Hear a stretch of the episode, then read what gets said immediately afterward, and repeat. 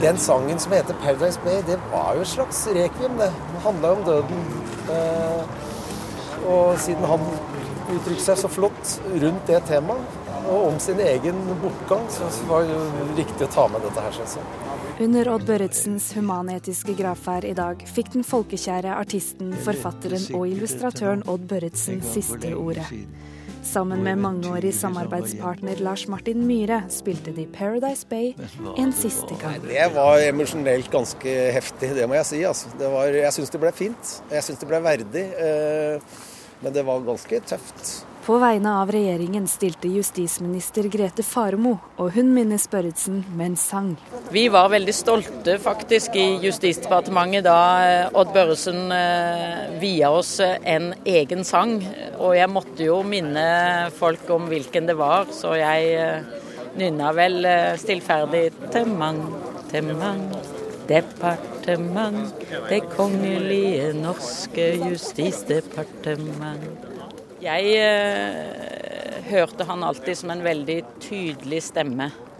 Satte ord på urettferdighet og mange pussige situasjoner.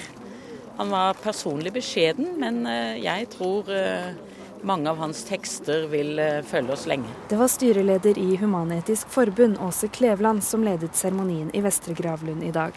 Hun startet det hele med å si at noen ganger er det ikke all right. Jeg har følt det som et veldig stort ansvar, for vi har jo satt sammen programmet og virkelig forsøkt å gjøre noen ting som er i Odds ånd. Han var jo en meget spesiell mann. Så eh, det har virkelig vært, eh, syns jeg, en stor ære. Og eh, det har vært veldig morsomt fordi de musikerne som vi har med, alle har så gjerne villet vært med.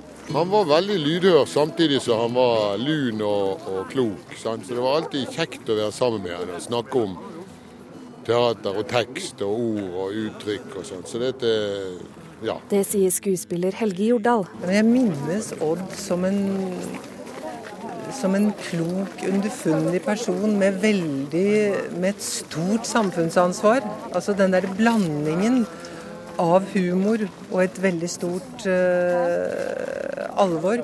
Også den musikaliteten som gjorde at selv om man kan diskutere om han sang eller ei, så, så, var det liksom noen ting som traff oss veldig uh, dypt, tror jeg, de fleste av oss. Komponist og musiker Lars Martin Myhre har jobbet med Børretzen i over 20 år.